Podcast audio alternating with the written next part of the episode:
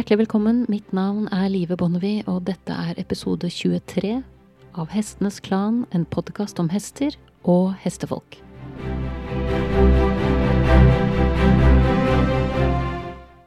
Det er lenge siden jeg følte meg virkelig dypt og oppriktig lykkelig, nesten på grensen til å være euforisk lykkelig, men dette er en sånn dag, altså. Hvor høstfargene kommer til sin rett, hvor regnet har veket for sola, hvor bakken er dekket av eh, høstblader som ligger som et gyllent teppe, hvor hesten min er fortsatt litt sommerfeit, men nekter å ta det innover seg og er i friskt tempo innover i skogen, og jeg er veldig nøye med å ri kort, sånn at han føler mer på mestring enn på tung pust, så han holder seg leken og lett. Og når vi kommer tilbake til stallen, så ruller han seg på banen, sånn som han alltid får lov til, og gnir sanden godt inn i pelsen. Da er han eh, også eh, veldig lykkelig og fornøyd med livet sitt. Det enkle er ofte det beste og så slipper jeg ham ut og blir sittende og se på ham. For han går på høstbeite fortsatt med en kompis, og jeg blir sittende og se på de to hestene og kjenne på en takknemlighet. Og mens jeg sitter her, så begynner jeg å tenke tilbake på alle de gangene jeg har hatt det slik, gjennom de 40 årene jeg har ridd, og plutselig så sitter jeg der med en liste over ti ting som jeg virkelig takker hestene for av hele mitt hjerte, takker for at de har lært meg. Og ukens tema er sånn sett takknemlighet. Jeg tenkte jeg skulle dele den lista med deg. Jeg takker hestene for å ha lært meg tålmodighet. Det fins ingen snarveier eller quick fix med hester, og for meg er en viktig bit av det å tilbringe tid med dem og ikke bare akseptere at hesten har et helt annet tidsbegrep enn meg, men også bli flinkere til å møte dem der de er, altså på hestetid. Og da tenker jeg ofte sånn at hjertet mitt har en hvilepuls på rundt 60 slag i minuttet mens hesten min har en hvilepuls på rundt 27 slag. Og når man tenker over hvordan antall hjerteslag varierer mellom artene, og hvordan man opplever at disse ulike artene beveger seg, og hva skal jeg si, hva slags type tempo eller livsrytme de har, så føler jeg at jeg veldig fort kan bli litt for rask for hesten min. Eh, I ytterste konsekvens, hvis man ser på større dyr, så har jo blåhvalen ca. seks pulsslag i minuttet mens småfugler har over tusen slag. Det tar jeg litt med meg og prøver å minne meg om å passe på at jeg ikke blir for travel rundt hestene, ikke bli mer hektisk enn det som er nødvendig. Og det å bli holdt igjen på min egen travelhet, det er virkelig noe jeg takker hestene for av hele mitt hjerte. Jeg takker hestene for at de har lært meg å fange opp det som ikke blir sagt å tilbringe mye tid med et vesen som baserer så godt som all kommunikasjon på kroppsspråket, det gjør noe med deg. Det sies jo at kroppsspråket til mennesket utgjør minst 70% av kommunikasjonen vår, men jeg tror ofte vi er mindre flinke til å avlese dette nonverbale språket, og at det drukner litt i ordene, og at det blir ordene som på en måte tar oppmerksomheten, eller litt som jeg har sammenlignet med trenere tidligere, altså at vi hører mer på det som blir sagt enn det folk faktisk gjør. Når det gjelder språk, så tenker jeg at det ikke nødvendigvis er hestefolk som går glipp av den nonverbale kommunikasjonen. For når jeg sitter i jobbmøter, så hører jeg for all del hva folk sier, men jeg hører altså vel så godt alt de ikke sier. Og det er hestene som har lært meg dette. Og jeg vil nok gå så langt som å kalle det en stor gave, som har beriket livet mitt på svært mange områder. Jeg takker hestene for å ha lært meg å være ydmyk når du tilbringer mye tid med et dyr som veier mellom 300 og 600 kilo, så er det ikke til å unngå at du noen ganger kjenner det på kroppen. Hesten er enormt mye sterkere enn vi er, og den besitter også en enorm kraft, men de bruker sjelden denne kraften mot oss, eller på en måte som gjør at vi indirekte eller direkte rammes av den. Og jeg vil påstå at de gangene det skjer, så kan vi som regel takke oss selv for at slike situasjoner oppstår. Et godt eksempel er når du plutselig blir liggende og spytte gress mens du trodde du satt trygt på din høye hest. Det er en stund siden jeg gjorde det sist, men det sitter i og blir en viktig del av ens erfaringsgrunnlag som rytter. Minner meg på at det er sagt at det er um, viktig at man faller av så og så mange ganger før man kan kalle seg en fullt uh, utdannet rytter. Det er en myte. En av de beste instruktørene jeg noen gang ridd for, har aldri falt av, men gått gradene som rytter med en god lærer og holdt seg i salen. Jeg tenker også i forhold til ydmykhet at man aldri skal ta ting for gitt, eller ta seg til rette med hester. Vi skal være ydmyk for den kraften og det samarbeidet de til enhver tid tilbyr oss. Jeg takker hestene for å ha lært meg forskjellen på sjef, leder og veileder, og ikke minst hva som kjennetegner gode og dårlige varianter av disse. Det har de senere årene dukket opp mange diskusjoner rundt lederskapsteorien, og hvorvidt denne i sin helhet kan erstattes av læringsteori. Og med disse diskusjonene så har det også oppstått ganske steile fronter, der gamle forklaringsmodeller og forskning blir utfordret. Jeg mistenker at det kan bli en egen podkastepisode om dette etter hvert, men jeg tenkte jeg skulle si noe kort om hvor jeg har havnet på denne skalaen selv. For meg er en sjef en som beordrer andre til å gjøre ting i kraft av sin posisjon. En leder er en som leder gjennom eksempel, uten at man trenger verken å ha en relasjon fra før eller være en del av et etablert hierarki. En veileder er kort og godt en som leder veien, og en vesentlig del av det å være veileder er å ha evnen til å sette seg selv til side og ha fokus på den du skal veilede. Det handler om å legge forholdene best mulig til rette for at den andre skal utvikle seg og lykkes. Selv så prøver jeg å befinne meg i området mellom leder og veileder når jeg tilbringer tid med hester. Og jeg tenker mye på hva som kjennetegner en god leder for meg, basert på mine egne erfaringer på de områdene i livet der hvor det er andre som skal lede meg. Jeg tenker at en god leder takler press godt, kommuniserer godt, tåler å bli utfordret, gjør ting som er kompliserte, enkle, trives med å hjelpe andre til å lykkes, er flink til å oppmuntre og heie fram. En god leder ønsker motstand velkommen fremfor å legge bånd på den, ut fra en erkjennelse om at motstand alltid oppstår som en reaksjon på noe, og dermed ofte er helt legitim. Og i forhold til hester så er det min erfaring at motstand gjerne vokser frem som et svar på vår grådighet, som et uttrykk for hestens egne fysiske og eller psykiske begrensninger, eller som et resultat av at hesten ikke forstår hva vi ber om, eller takler måten vi ber om det på. Derfor tenker jeg alltid at motstand er verdt å lytte til. Det er ikke noe man slår hardt ned på. En liten note når det gjelder ledelse, er at etter hvert foreligger veldig mye forskning som viser hvor mye glede hestejenter har av det de lærer i stallen når det kommer over arbeidslivet. Jeg har sittet i flere jobbintervjuer og snakket med sjefer som bevisst ansetter hestejenter, fordi de er ansvarsbevisste, vant til å forvalte penger og naturlige, gode lederevner. Det kan være greit å notere seg. Jeg takker hestene for å ha lært meg å la humla suse, til det punktet at jeg ikke lenger tenker på klokken i det hele tatt når jeg er på stallen. Det er som om tiden oppløses og forsvinner. For en velsignelse for et travelt og moderne menneske det er. Om jeg er i stallen 30 minutter eller tre timer, har jeg knapt noe forhold til forskjellen. Det er også en gave å kunne være offline på ordentlig.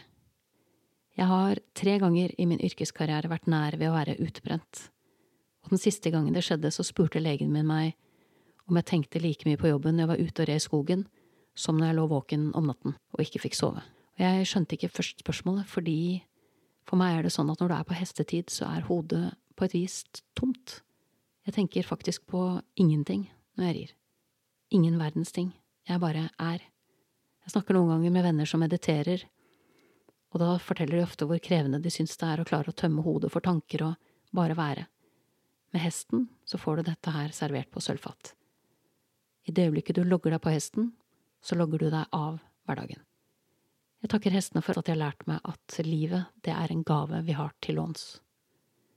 Det er en kjensgjerning at ridning er en risikosport. Marginene er en blanding av å være veldig rause, men noen ganger eh, veldig trange og noen ganger litt for trange. Og jeg vil jo si at de fleste som har ridd over noen tiår, har en håndfull nær døden-opplevelser å vise til. Jeg har fortalt om én i en tidligere episode, og jeg tenkte jeg skulle fortelle om en til.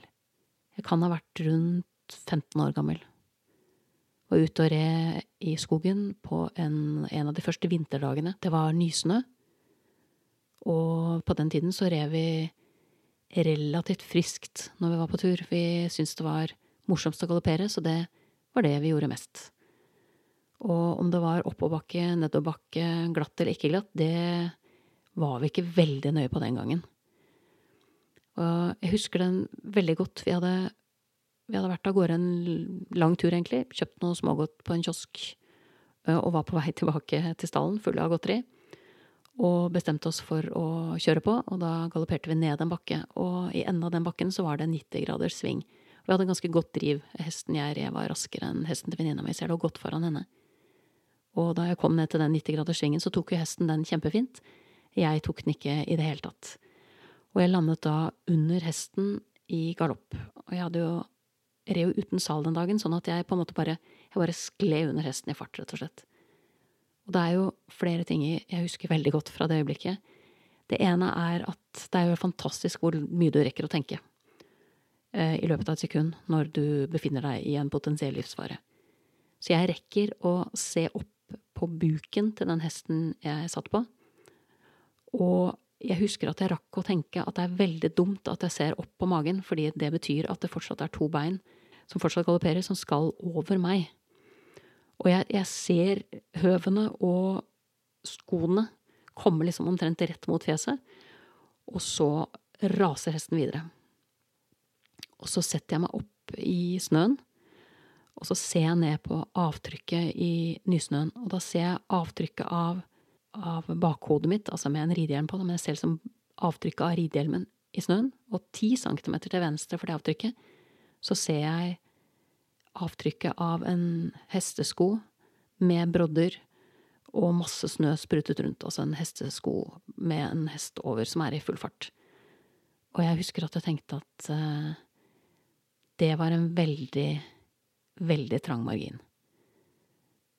Og det hestene sånn sett har lært meg, er at jeg tar ikke um, livet for gitt.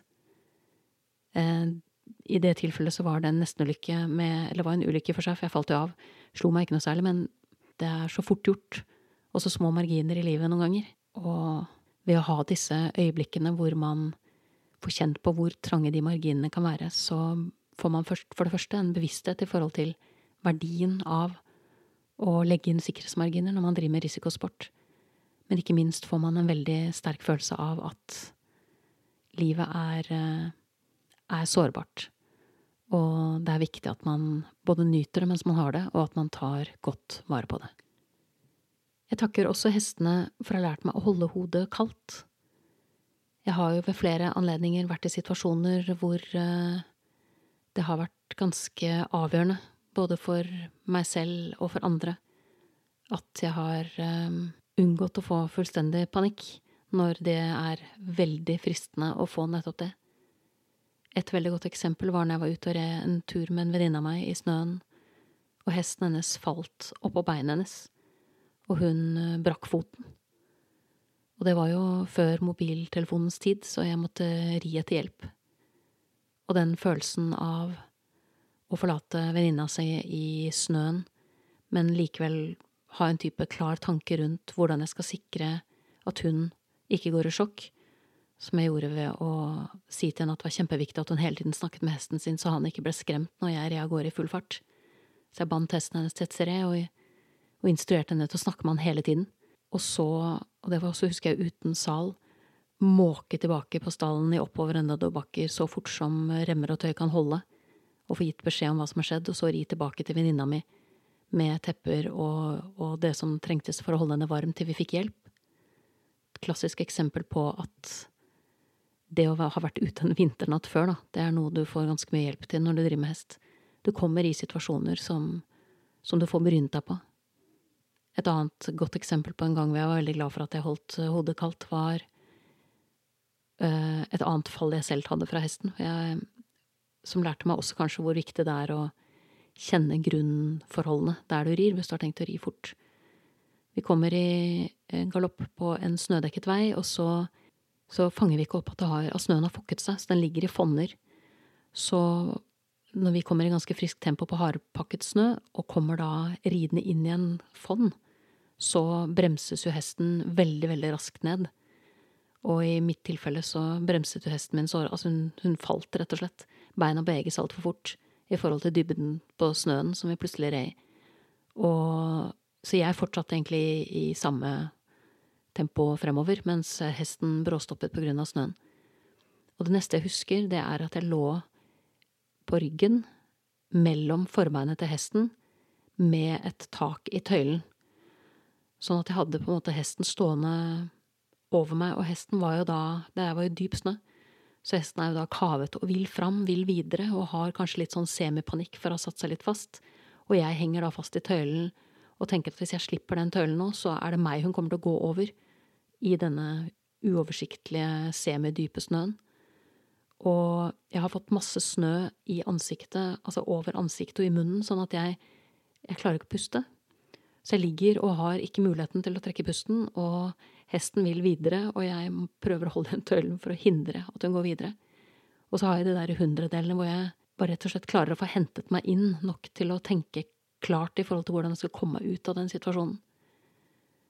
Ved å holde i én tøyle istedenfor i to, få børstet snøen bort fra ansiktet så det går an å få pustet normalt, og ikke minst si noe beroligende til hesten sånn at hun kan bli stående stille. Så det er jo utallige ganger hvor jeg har erfart at eh, det å drive med hest gjør at jeg får brynet meg på situasjoner som jeg har hatt utrolig glede av andre ganger i livet, fordi rett og slett fordi man har vært igjennom noen varv tidligere. Det er eh, situasjoner som kanskje vil være nye for andre, som ikke er nye for meg, fordi hestene allerede har tatt meg ned den gaten.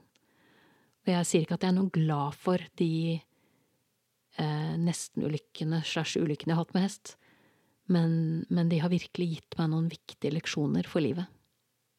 Jeg takker hestene for å ha lært meg å være kritisk til det som blir sagt, oppmerksom på det som blir gjort. Jf. paddock-testen som jeg snakket om i første episode, så tenker jeg at det er ekstremt viktig å observere hesten uavhengig av hva treneren sier med ord, og heller vie oppmerksomheten til hvordan det faktisk ser ut, og det som faktisk blir gjort. Et veldig godt eksempel på dette er fra en, et arrangement jeg var på i Oslo Spektrum. Det var en internasjonal trener som var på besøk i Norge, og det var en ung islandshest i rundpaddocken som ifølge eieren stakk med en gang en rytter satte seg opp. Og da stakk sånn som jeg har opplevd med islandshester selv òg. Det er sikkert sånn med andre strå, men jeg har bare opplevd det med islandshest. Altså at de løper gjennom gjerder og, og, direkte på ting. Altså det er Gardinene er helt nede, og beina går for fullt, på en måte. Så det er ikke noen sånn veldig gunstig situasjon. Det denne internasjonale treneren gjør, det er å spenne en dukke fast til ryggen på hesten, som illuderer en rytter. Og akkurat det som eieren sa var problemet, utspilte seg, og denne unge hesten stakk. Og da vitset og spøkte treneren litt mens dette pågikk. Og det var veldig god stemning i salen, folk satt og lo, og man satt og spiste popkorn og koste seg. Og dermed var det jo ikke alle som fikk med seg det som faktisk utspilte seg, nemlig en livredd unghest som løp for livet. Hvis man tenker etter, så skjønner man jo at det er ikke noe å le av. Det er blodig alvor. Jeg takker hestene for å ha lært meg at rytteren ikke har monopol på følelser. Hesten deler så langt jeg kan bedømme det samme følelsesregisteret som vi har. De liker ikke å bli ledd av. De vet å verdsette et godt vennskap og kjenne glede. De kan bli frustrerte, rasende, livredde. De kan bli sjalu, og de føler både savn og sorg, for å nevne noe. Og jeg tenkte jeg skulle gi to eksempler på historier om henholdsvis sjalusi og vennskap. Min første hest var en veldig mild islandshest, leken som type, og utviste aldri aggressiv atferd mot noen. Men det var tre ganger hvor han viste en annen side av seg selv. Den første gangen jeg opplevde det, så sto han i et spiltau, og så var det en eh, stallkatt som kom innom spiltauet, og som jeg koste med. Bare klødde litt bak øret og sånt, eh, og da sto jeg fremme ved hodet til hesten min. Og da jeg hadde klappet katten og reist dem opp for å fortsette å strigle, så slo hesten min etter katten med forbeinet. Og jeg tenker jo at hvis ikke den katta hadde hatt ni liv, så hadde den hadde i hvert fall garantert brukt opp ett av dem der. Katta var av gårde som et kanonskudd, men, men den enorme aggresjonen, presisjonen og raskheten som det slaget kom med, den overrasket meg. Kom fra ingenting. Altså fra intet. Aldri sett en sånn atferd hos hesten min før. Og en, en, god stund etter dette så eh, hadde jeg en samme erfaring med en sau, faktisk. Vi hadde en sau som gikk løs på gården, og foran spiltet til hesten min så var det en foringsrenne som den sauen ofte hoppet opp i, og på en måte ruslet ned langs den foringsrenna. Da sto jo alle hestene og spiste høy inn i den foringsrenna fra spiltauene sine, og så gikk han der oppe og spiste høy og koste seg. Og da han kom forbi spiltet til hesten min, så drev jeg og fôret kraftfôr, så jeg sto opp i fôringsrenna, jeg også. Og da klødde jeg og koste litt med han. Og så, jeg jobbet jo på gården, så fortsatte jeg å fôre bortover. Og da jeg hadde klødd ferdig på den sauen, og han gikk forbi hesten min, som sto og spiste kraftfôr, så beit hesten min tak i nakken på sauen, og bokstavelig talt kastet den flere meter bortover. Så to eksempler hvor jeg tenkte det ligner jo veldig på sjalusi. Og så fikk jeg et tredje som gjorde meg helt 100% sikker. Jeg hadde jo hesten min i 17 år, jeg hadde ikke mange kjærester i løpet av den tiden, men han hadde truffet to. Og den tredje han traff, det var den mannen som jeg endte opp med å gifte meg med. Og det første hesten min gjorde, som han aldri har gjort verken før eller siden, det var å bite ham. Det andre jeg vil gi et eksempel på, det er eh, vennskap. For mange, mange år siden med min første hest så opplevde vi den tragedien det kan være at en hest brakk beinet på beite. Og det ble bestilt eh, nødslakt. Hesten var jo umulig å flytte på, så de måtte kjøre på en måte bilen ned og ut på beitet der hvor hestene var, og det de gjorde, var å drive alle hestene til en annen ende av beitet. Fordi at man hadde en tanke om at dette her var ikke noe, noe godt at de var en del av. Eh, og alle hestene lot seg flytte, bortsett fra hesten min. Han, eh, han, lot seg rett og slett ikke flytte på. De drev han bort, men han kom tilbake, og de drev han bort, og han kom tilbake, og til slutt så, så ga de opp eh, det prosjektet og brukte da tiden på å få bilen på plass, få veterinæren som rigget seg til, boltpistol og gjorde alle de tingene de skulle. Og hesten min sto da helt ved siden av, type sånn tre-fire me meter unna, og var der til hans gode venn eh, hadde blitt skutt og falt død om. Og så sto han noen minutter til, og så gikk han. Det er også sånne ting som som setter synet på hest litt i perspektiv. For meg så satte den historien også dette med hvor hester er emosjonelt i et perspektiv. Vi snakker jo ofte veldig varmt om hestens evne til å leve i nuet, men det er ikke det samme som at fortid og fremtid ikke eksisterer for dem. Jeg er veldig opptatt av at de aldri glemmer, men jeg tenker også at min erfaring er at de veldig ofte vet hva de har i vente. Jeg takker også hestene for å ha lært meg at jeg aldri blir utlært. Jo mer jeg lærer, jo større verden åpner seg. De har også lært meg at du aldri skal være redd for å begynne på nytt med en frisk start eller å prøve igjen. Det er heldigvis et livslangt prosjekt å bli god til å ri og god til å lese, håndtere og forstå hester. For meg er det veien som er målet, og ridningen er en kunst. Du har nettopp hørt episode 23 av Hestenes Klan, en podkast om hester og hestefolk.